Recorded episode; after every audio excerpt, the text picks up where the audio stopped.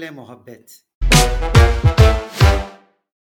Merhabalar, Data Talks'a hoş geldiniz. Data Talks'ta araştırma konuşmaya, veri konuşmaya devam ediyoruz. Bugünkü konuğumuz Türkiye'de ailenin değişen yapısı araştırması. Araştırma İstanbul Ticaret Üniversitesi ve AREDA Araştırma işbirliğiyle gerçekleştirilmiş. Araştırma koordinatörü Profesör Doktor Ömer Çaha aramızda. Hocam hoş geldiniz. Hoş bulduk, merhabalar. Hemen araştırmanın ana sonuçlarıyla başlamak istiyoruz biz. İşin özü diye bir bölümümüz var. Bu araştırma, rapor, veriler bize ne söylüyor? Ana bulgusu nedir hocam bu araştırmanın genel hatlarıyla? Aile yapısı değişiyor. Hem yapısal olarak değişiyor, hem ilişkiler itibariyle değişiyor, hem de aileye ilişkin değerler itibariyle e, değiştiğini söyleyebiliriz. Tabii bu değişimi anlayabilmek için daha önce yapılmış araştırmaları referans almak lazım. O günden bu yana ne oldu diye bakmak lazım. Ama ana hatlarıyla araştırma bize şunu söylüyor. Ailede çocuk sayısı giderek düşüyor. Kadın ve erkek ilişkisiyle ilgili eşitlikçi bir anlayış söz konusu. Hem kadınla erkeğin doğasıyla ilgili hem de bunların sosyal rolleri ve aile içindeki yükümlülükleriyle ilgili daha eşitlikçi bir anlayış söz konusu. Değerler bakımından baktığımız zaman evlilik öncesi kadın erkek ilişkisi toplumda genel kabul gören bir yaklaşım haline geliyor. Kadının çalışması, bir meslek edinmesi, e, bir kariyer edinmesi pozitif bir değer olarak algılanıyor. Kadının çalışmasının aileye genel olarak pozitif şekilde yansıyacağına ilişkin bir anlayış söz konusudur. Kadının hem bir meslek sahibi olması hem de anne olarak annelik rolünü yerine getirmesi toplumun kadına ilişkin ya da kadından beklentisi, genel beklenti bu yönde. Yasalar açısından baktığımız zaman özellikle yasaların kadına yönelik şiddet konusuyla ilgili e, yeterince caydırıcı olmadığına ilişkin bir kanaat yaygın toplumda. Toplumun genel algısına göre Türkiye'de aile yapısı zayıflıyor ve aile giderek çöküyor. Bu algısal olarak böyle.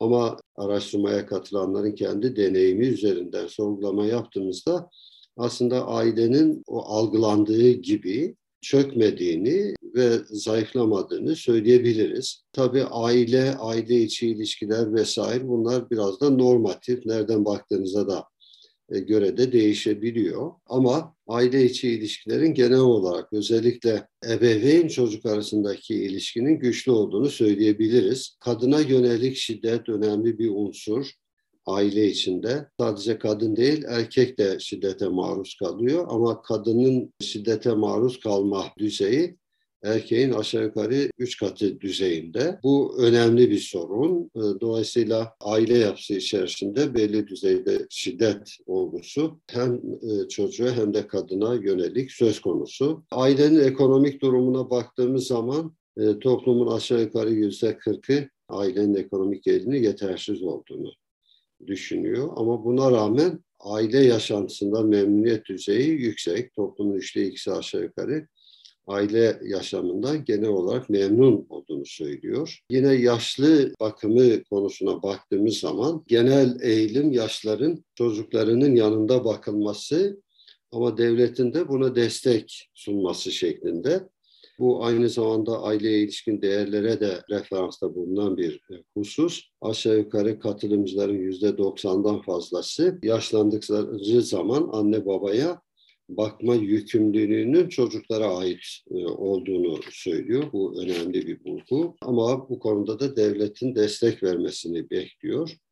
Araştırmanın önemli vurgularından bir tanesi ilişkilerin kadının aile tarafı ile daha yoğun olmasıdır. Bunun tabii e, bir takım nedenleri var. Sosyolojik değerlerle bağlantılı, kentleşmeyle bağlantılı, göçlerle bağlantılı olabilir. Dolayısıyla daha çok kadın tarafıyla ailenin ilişkisi sürüyor, sürdürülüyor.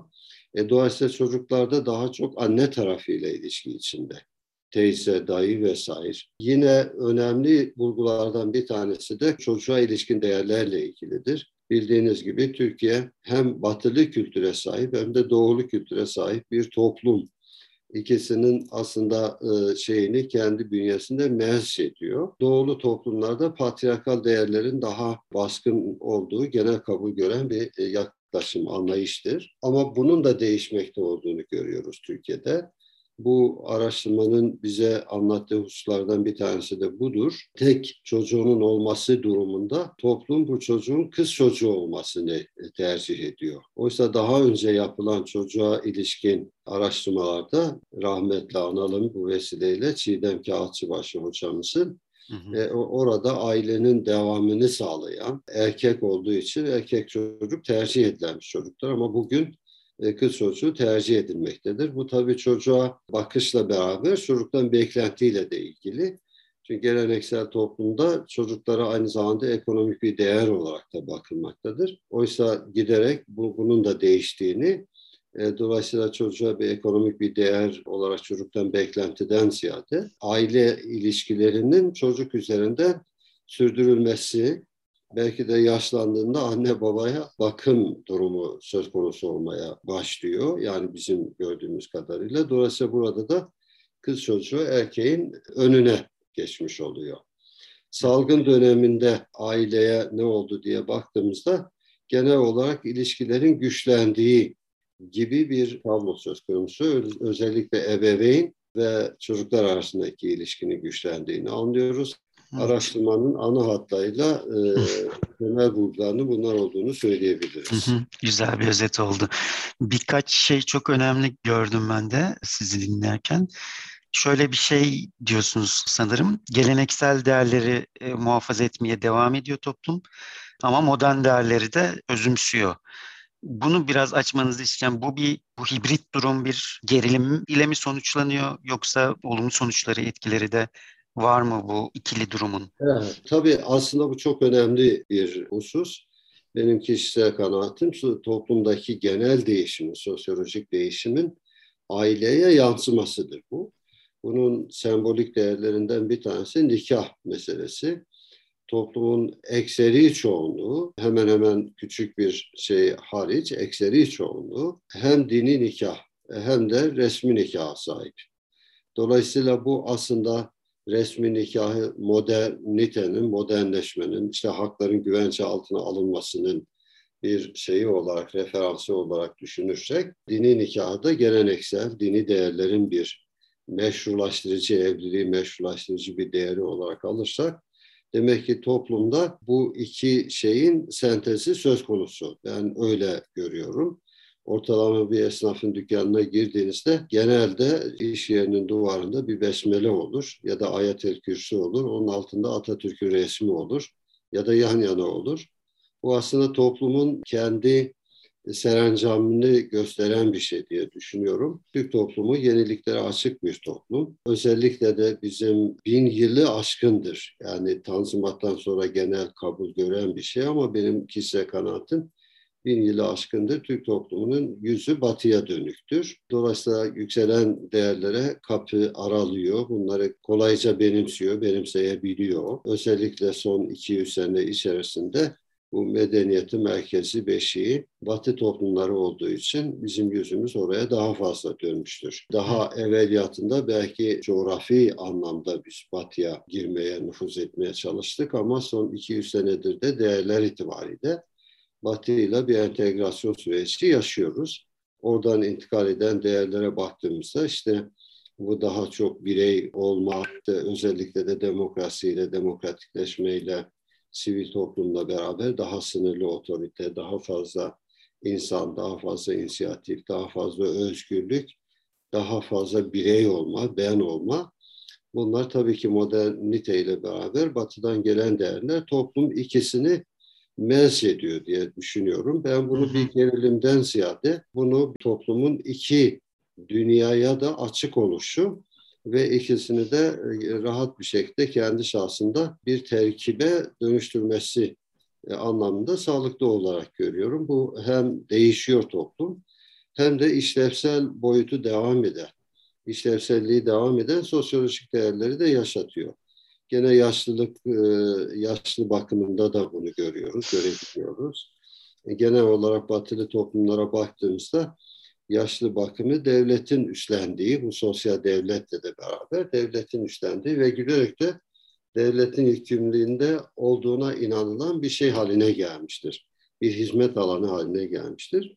Oysa toplum bunu devam ettiriyor Türkiye'de. O bakımdan ben bunu sağlıklı olarak görüyorum. Bunun gerilime yansıyan boyutu biraz politiktir diye düşünüyorum. Dolayısıyla iktidar mücadelesi olarak görüyorum. İktidar mücadelesi ister istemez bu fay hatlarının farklı taraflarında kalan zeminleri oraları kaşıyarak oradan bir aslında iktidar mücadelesi devşiriliyor diye düşünüyorum. O bakımdan toplum kendi haline bırakıldığı zaman o serencamını bir ayağı doğuda bir ayağı batıda ya da genel olarak yükselen değerlerde dünya düzeyinde şu anda batı hala yükselmekte olduğu için batı diyoruz.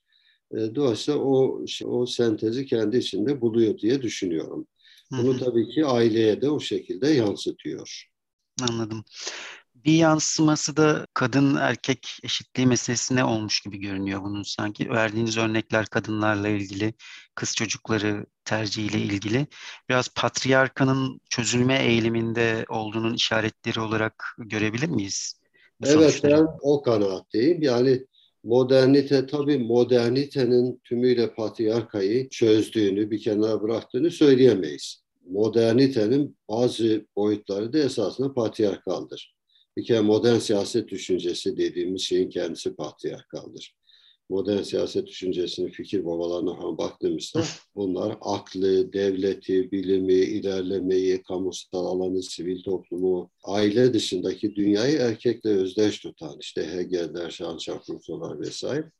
Böyle bir boyutu var ama bu modernitenin kendisi sadece fikri temeller üzerinden değil, reel değerler üzerinden de ki burada kapitalizm son derece önemlidir onun üzerinde de önemli bir değişim, dönüşüm sağlamıştır. Kadın cephesinden baktığımızda bunun en önemli sonucu kadın erkek eşitliğidir. Hem hukuki anlamda hem fırsatlar ve imkanlar bakımından kadın erkek eşitliğidir. Tabii kadın erkek eşitliği sağlanıyor mu? Bu ayrı bir tartışma konusu. Cam tavan dediğimiz bir sendrom. Bu da küresel düzeyde bir realite. Ama netice itibariyle hukuki olarak özellikle imkanlar ve fırsatlar itibariyle kadın erkek eşitliği modernitenin en önemli değeri diye e, düşünüyorum.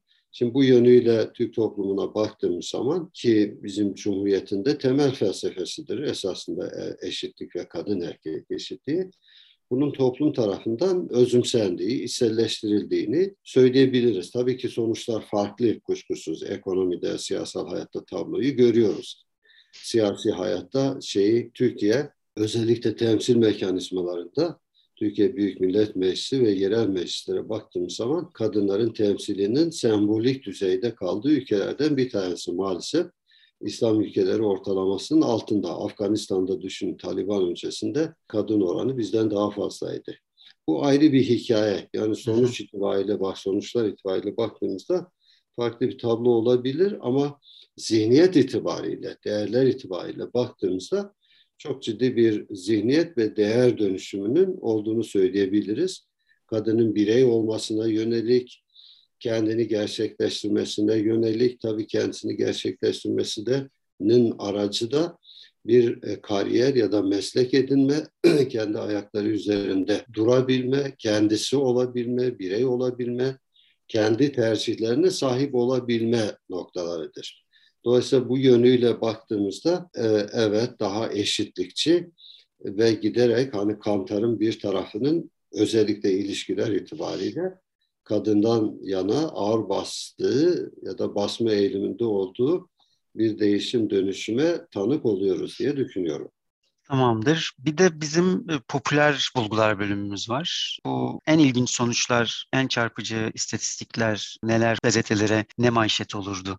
bu işte flörte, evlilik öncesi kadın erkek arasındaki ilişkiye ilişkin bakış, flörtün giderek kabul edilir bir değer haline geldiğini görüyoruz Türkiye'de. 1990'larda, 90'ların başında çok tartışma konusu olmuştu.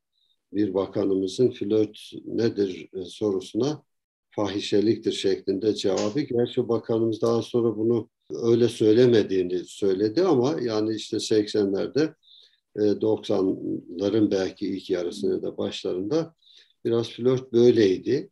Ama bugün bu kabul edilir bir değer haline gelmiştir. Dolayısıyla bu da kadının kendi seçimini kendisini yapabilmesiyle ilgili. İşte ileride kuracağı ailenin daha sağlıklı bir tercihe dayanması yönünde gerekli tecrübe edinmesiyle ilgili olduğunu düşünüyorum, olduğu kanaatindeyim. Dolayısıyla bu hani medyatik açıdan önemli bir bulgu diye düşünüyorum.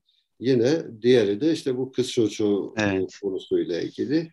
Yani tek bir çocuğunuz olursa bunun erkek mi e, kız çocuğum olmasını istersiniz diye sorduğumuzda işte kız çocuğu ön plana çıkıyor. Bu iki bulgunun ben flash bulgu olduğu kanaatindeyim bu araştırmanın.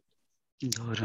Ee, sıkıcı sonuçları konuşmak isteriz biz de. Yani şöyle her araştırmada sonuçlar vardır. Şaşırdık mı? Hayır deriz. Biraz malumun ilamıdır. Şaşırtmaz bizi ama ilginç olmasa da önemli bulgulardır.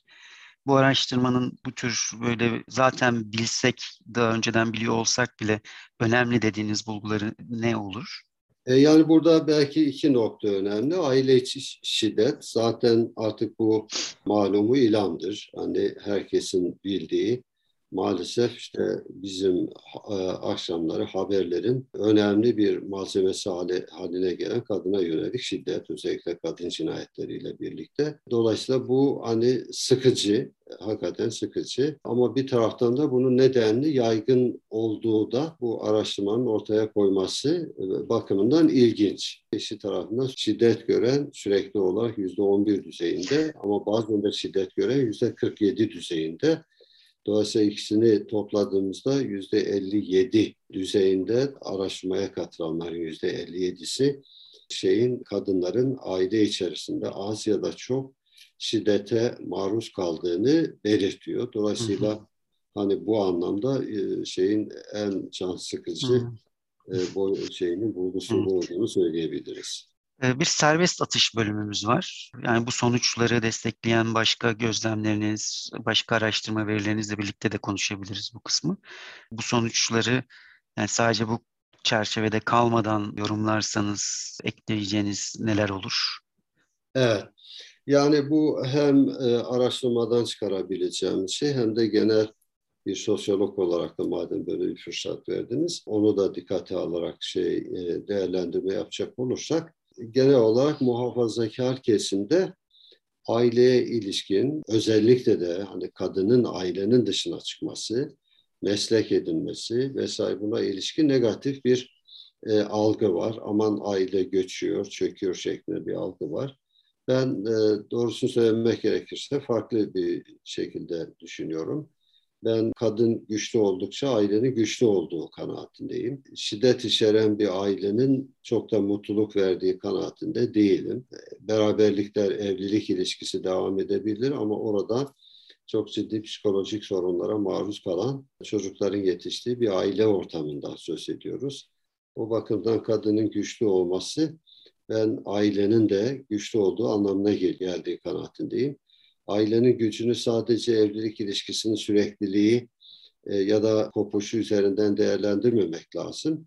Özellikle de tabii ki karşılıklı sevgi, saygı, eşlerin e, mutluluğu ama aynı zamanda da çocukların ruhsal açıdan e, sağlıklı bir şekilde yetişmesi, e, sevgiyle, şefkatle, efendim işte o şeyi anne babayı bu, bu eksende, bu çerçevede rol modeli alarak yetişmesi önemli olduğunu düşünüyorum. Aileyi tehdit eden faktörler e, önemli e, olduğu kanaatindeyim. Araştırma bulguları da onu ortaya koyuyor.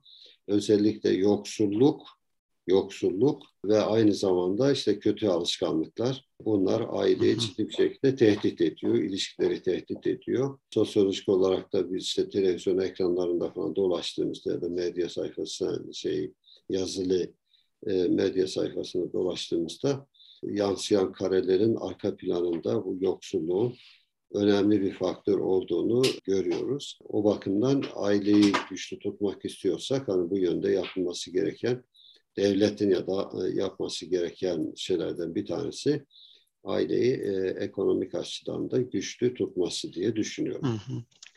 Hocam tam sormak istediğim bir konuya e, girdiniz. Bu muhafazakar kesimde özellikle aile yapısı zayıflıyor, çöküyor.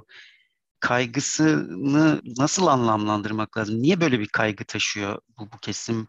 Neye yol açacağını düşünüyor bu gidişatında böyle bir kaygıyı taşıyor? E, bu biraz da geleneksel normlarla ilgili, değerlerle ilgili, geleneksel dini e, anlayışla da ilgili.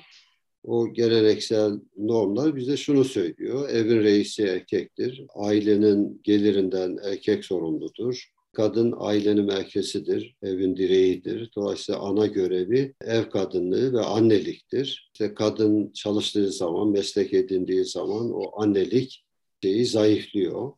Böyle bir algı var. Yani bu algıyı benim kanaatim sorgulamak lazım. Artık e, kadının çalışsa da çalışmasa da çocuğu üzerinde çok fazla bir şeyi yok, etkinliği yok. 4-5 yaşından itibaren biz çocukları işte e, okul dediğimiz süreçte tanıştırıyoruz. Dolayısıyla çocuk kişiliğini, dünya görüşünü, değerlerini daha çok oralarda eğitiniyor. O bakımdan kadının hani evde e, olması o yönüyle de çok fazla bir anlam ifade etmiyor kanaatindeyim. Çünkü aile işlevlerini topluma devrediyor. Birçok işlevi şeye baktığımız zaman mesela 200 sene önceki bir aile yapısına baktığımız zaman o tarihlerdeki aile yapısına sahip olduğu işlevlerin onlarcası belki çok daha fazlası giderek topluma devrediliyor. Bazı yerlerde aile bir pansiyon hüviyeti görüyor. Yani mesela özellikle bu İskandinav ülkelerinde e, yemek setinin olmadığı evler söz konusu. Artık bunları toplum karşılıyor. Beni en çok şaşırtan şeylerden bir tanesi ben Helsinki'ye e, gittiğimde Helsinki'de e, gidenler bilir e, böyle fabrika boyutunda restoranların olması, birkaç katlı restoranların olması ve bunların akşam saatlerinde neredeyse dolu olması. Sonra şeyin işin arka planına inince işte insanların evinde neredeyse yemek seti yok. İşte kahvaltısını yapıyor, öğlen yemeğini zaten iş yerinde, akşam da gelip restoranda yiyor. Dolayısıyla ailenin biz ne yaparsak yapalım böyle bir değişim şeyi serencamlı söz konusu. Kamusal alan giderek gelişiyor ve aile içindeki işlevlerin önemli bir kısmı da kamusal alandaki kurumlara devrediliyor. Artık laundry dediğimiz bir şey gelişiyor. Laundry bu e, şeyin e, modern hayatın ortaya çıkardığı bir şey. Bunun altı şeyi moderni parantez içine ya da tırnak içine alsak bile hayatın ortaya çıkardığı bir şey. Bunun önüne geçemeyiz. Toplumların kendi doğal evrimi var, değişim süreci var. E bu her yere yansıyor, Türkiye'ye de yansıyor ister istemez. Belki önümüzdeki 30-40 sene içerisinde artık çamaşır makinelerine ihtiyaç etmeyeceğiz. Apartmanların ya da işte sitelerin ortak çamaşır yıkama, kurutma mekanları olacak. Artık o ihtiyaçlar, ihtiyacımızı orada gidereceğiz. Dolayısıyla geleneksel normlar bize kadını daha pasif, daha itaatkar erkeğe karşı, erkeği daha dominant, daha baskın olarak e, gösteriyor. Bu yönüyle de işte kadın fıtratının farklı, erkek fıtratının farklı. Dolayısıyla bu kamusal e, alan dediğimiz ve onun işte açılımı ya da devamı niteliğindeki bütün etkinlikleri erkeğe teşmil eden bir anlayış. Ama bu anlayış da sorgulanıyor İslami çevrelerde, muhafazakar çevrelerde. İslami feminizm dediğimiz bir anlayış söz konusu biliyorsunuz. Kur'an-ı Kerim başta olmak üzere bu İslami normların yeniden hakaniyetli bir şekilde yeniden yorumlanmasını savunan bir anlayışta İslami çevrelerde gelişiyor. Feminizm biraz İslami çevrelerde çok sempatik olmayan bir çağrışım yapıyor. Ama feminizmi parantez içine alırsanız yani kadın hakları, kadın bakış açısı, kadın e, anlayışı, kimliği vesaire gibi değerler üzerinde yorumladığınız zaman ya da baktığınız zaman e, muazzam bir değişim dönüşümün orada da geliştiğini söyleyebiliriz. Hı hı. Anladım. İlgili bir sorum daha var. Bir sorunuzdaydı sanırım. Destek konusunda Batı'da devlet insanların aklına daha çok gelirken Türkiye'de aile öncelikli diye bulmuşsunuz. Bu da biraz bahsettiğiniz konularla ilgili sanırım ve acaba Türkiye'de yurttaşlık kültürünün çok e, Batı gibi olmaması ya da sivil toplumun gelişememiş olması da bununla ilişkili mi diye e, sormak isterim. Bunu nasıl yorumluyorsunuz? Bu biraz e, aslında sivil toplumla bağlantılı olmaktan ziyade kişisel kanaatim devlete yüklenen rollerle bağlantılı. Dolayısıyla bu sosyal devlet anlayışıyla e, ilintili diye düşünüyorum. Çünkü sosyal devlet bu batı dediğimiz zaman da tabii şeyi ayırmak lazım. Ya Avrupa'nın batısı yani Avrupa iyi batı bir de Amerikan batısı diye de ayırmak lazım. Amerikan batısında da devlet akla gelmez. Yoksulluk söz konusu olduğunda özellikle asgari insani şartlarda yaşamak gibi durumlar söz konusu olduğunda akla devlet gelmiyor. Daha çok sivil toplum geliyor. Cemaatler geliyor ya da toplumun kendisi geliyor ama Avrupa'da devlet geliyor. Bu sosyal devlet anlayışıyla bağlantılı. Dolayısıyla sosyal devlet anlayışı Avrupa'daki her insanın asgari insani şartlarda yaşamasını temin etme görevini devlete e, yüklemiştir. Ama bu görev aynı zamanda benim görebildiğim kadarıyla insani ilişkilere de yansıyor ve insani ilişkileri biraz da zayıflatıyor diye düşünüyorum. Yani hem aile ve akrabalar arasındaki ilişkiyi, bu maddi temel üzerindeki ilişki, mesela yardımlaşma, dayanışma vesaire, bu ilişkiyi zayıflatıyor. E, hem de aslında sivil toplumun o anlamda daha taşın altına elini e, koyması refleksini de zayıflatıyor diye düşünüyorum. İşte başınız sıkıştığında aileden beklemiyorsunuz, komşudan, akrabadan, arkadaştan beklemiyorsunuz. Doğrudan doğruya devletten bekliyorsunuz. Ama bu beraberinde bir ahlaki durum da getiriyor. Ben dün akşam ders yaparken öğrencilerime de anlattım. Fransa'da tanık olduğum bir e, olay 2010 senesinde ben arabayla gitmiştim. İtalya'dan Fransa'ya giderken Lyon yakınlarında bir kazaya tanık oldum. O kaza bir karavan iki tırın arasında kalarak böyle pasta gibi ezildi. Ben işte arabayı hemen kenara çektim. Diğer insanların yaptığı gibi yollar kapandı. İlk aklıma gelen şey hemen imdada, yardıma koşmak oldu. Arabadan indiğimde eşim engelledi beni. Sonra beni çok etkilemişti o manzara. İşte araçlarından inen insanlar şakalaşıyor, eğleniyor. Aşağı yukarı bir 45 dakika, bir saat falan sürdü yolun kapanması. İtfaiye geldi. Kimse dönüp bakmıyor bile. O kadar böyle apatik bir ruh haline bürünmüş insanlar. Bu beni çok e, etkilemişti. Hakikaten hatta şok, e, şoke etmişti diyebilirim. Dolayısıyla devletin bu kadar merkezde olması, bu kadar merkeze alınması bir yönüyle iyi tarafı var. Refahın devlet eliyle dağıtılması, insani asgari insani şartlarda yaşamanın teminat altına alınması o yönüyle güzel ama böyle boyutları da var. Bu yönüyle de baktığımızda e, bence üzerinde düşünülmesi gerekir diye düşünüyorum.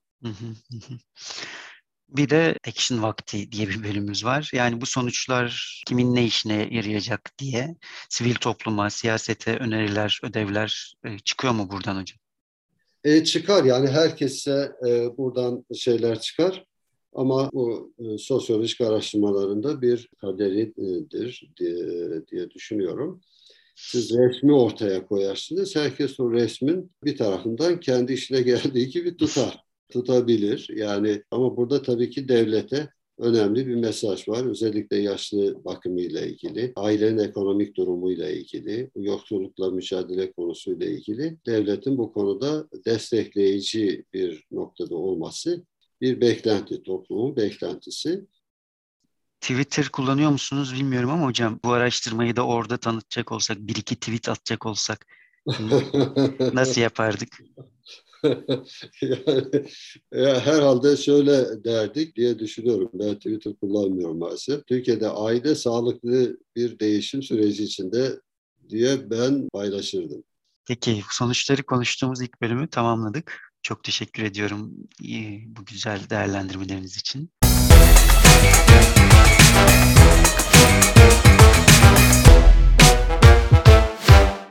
Data Talks, verilerle muhabbet. Türkiye'de ailenin değişen yapısı araştırmasını konuşmaya devam ediyoruz.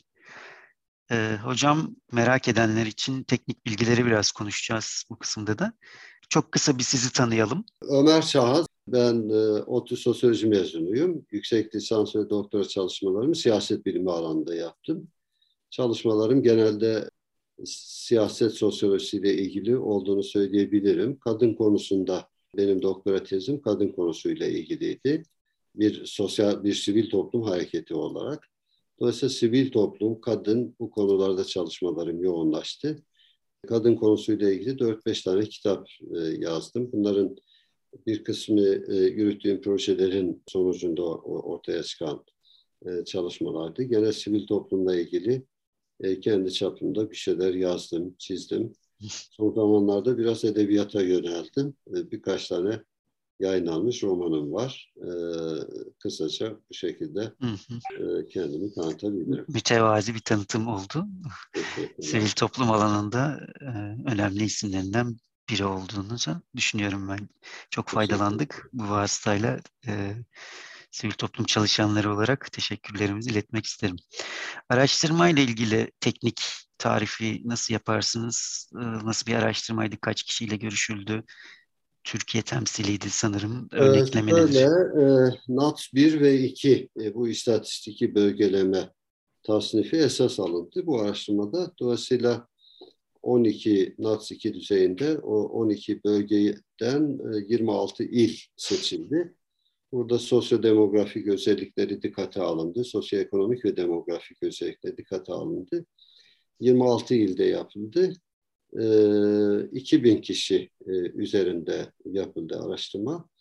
Tabii seçilen örnekten TÜİK'in özellikle yaş, cinsiyet, eğitim düzeyi gibi demografik özellikler dikkate alınarak ağırlıklandırıldı, böyle analiz edildi. Yani ham verileri siz de bir sosyal bilimcisiniz. Olduğu gibi sahadan aldığımız gibi malumunuz e, analiz etmiyoruz. Onları belli e, şeyin sosyolojik kriterlere göre ağırlıklandırarak analiz ediyorsunuz.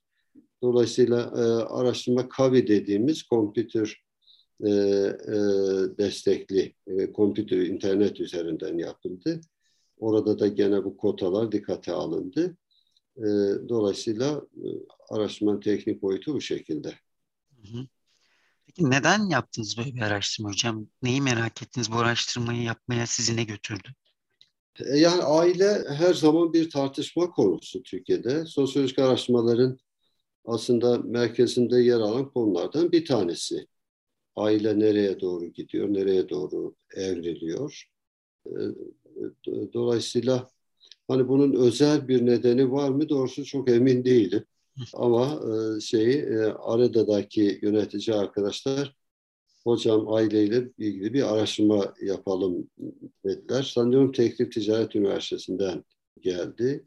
E, dolayısıyla müşterek böyle bir şey yapalım, böyle bir araştırma yapalım, bir durumu görelim şeklinde herhalde bir düşünceden kaynaklandı.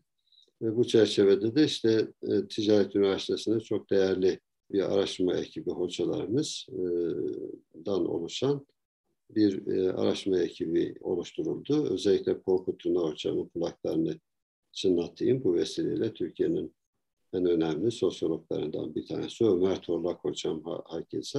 Dolayısıyla yani doğrusunu söylemek gerekirse hani benim aşina olduğum çalışmalar bunlar. Ee, çokça yaptığım için. O bakımdan hani kendi açımdan baktığım zaman zaman zaman yani Türkiye'deki bu e, değişimi, ailenin değişimini, dönüşümünü görmek açısından bana heyecan veriyor. 8-10 senede bir böyle bir araştırma yapmak. İşte daha önce dediğim gibi 2012'de yapmıştık. Ee, işte aşağı yukarı o arada başka araştırmalar oldu ama doğrudan doğruya adın şey aile ve kadına yönelik bu şekilde bu kapsamda olmadı. Bir 10 sene sonra o resmi tekrar görmek e, benim açımdan bir e, merak edici bir şeydi. Ama sanıyorum hani araştırmayı yapan iki kurum açısından da e, resmi görmek amacı e, söz konusuydu diye düşünüyorum.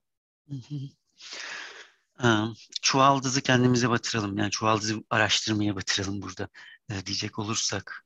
Doğası gereği şunlar eksik kaldı. Yeniden yapsak böyle değil şöyle yapardık dediğiniz şeyler oldu mu? Yani doğrusu hani insan biraz yaptığı şeye biraz böyle hani mükemmelliyetçi yaklaşıyor. Ee, o yönüyle e, baktığımızda belki bu şiddet e, konusu, aile içi şiddet, kadına yönelik şiddet özellikle daha ayrıntılı e, sorgulanabilirdi. Ama bu çok uzun oldu şeyi araştırma anketi. Dolayısıyla Hatsatında vardı esasında başlangıçta bizim hazırladığımız ankette fakat e, şeyi e, kısmak zorunda kaldık. Epey soru elemek zorunda kaldık. Dolayısıyla o, o, oradan da sorular çıkardık. Belki onun üzerine daha fazla gidilebilirdi. Çünkü hakikaten şu anda Türkiye'de e, can sıkıcı sorunların başında geliyor diye düşünüyorum. Yani bu hayat pahalılığı vesaire onlar bir yana ama sosyolojik düzeyde şu anda hepimizi çok güzel, e, çok ciddi bir sorun. Bunun üzerine biraz daha durulsaydı iyi olabilirdi diye düşünüyorum. Hı hı. Peki bir sonraki araştırma ne olur, ne olmalı? Yani bu konuyla bağlantılı olacaksa hani e, aile konusuyla doğrudan doğruya belki kadın konusuna yönelen bir araştırma olabilir. Boşanma durumunda işte bu nafaka meselesi tartışma konusu bildiğiniz gibi. Uzaklaştırma, e, şiddet durumunda erkeğin evden uzaklaştırması. Bu konular ele alınabilir diye düşünüyorum. Yani bir yönüyle aslında bir kısır döngü de söz konusu.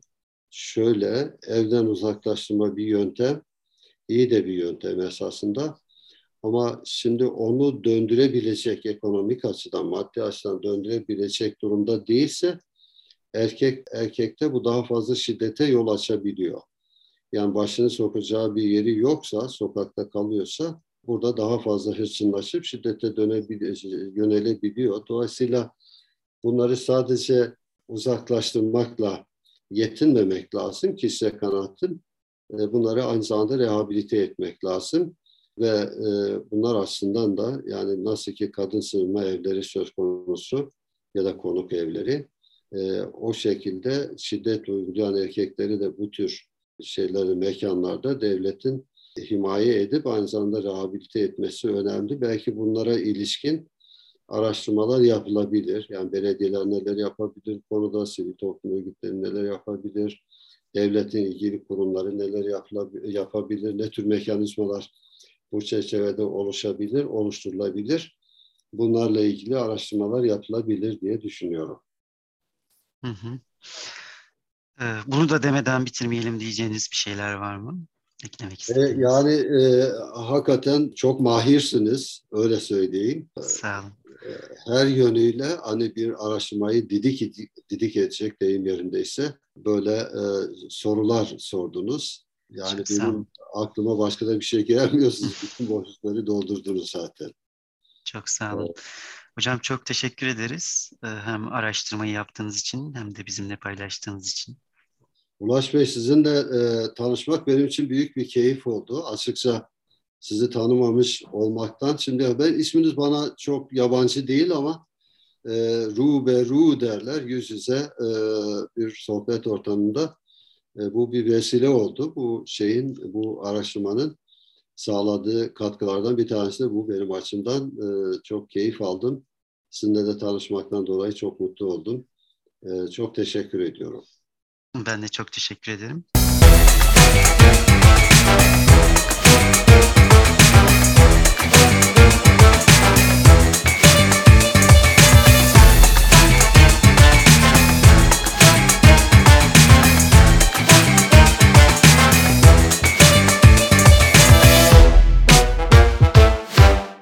Data Talks, verilerle muhabbet.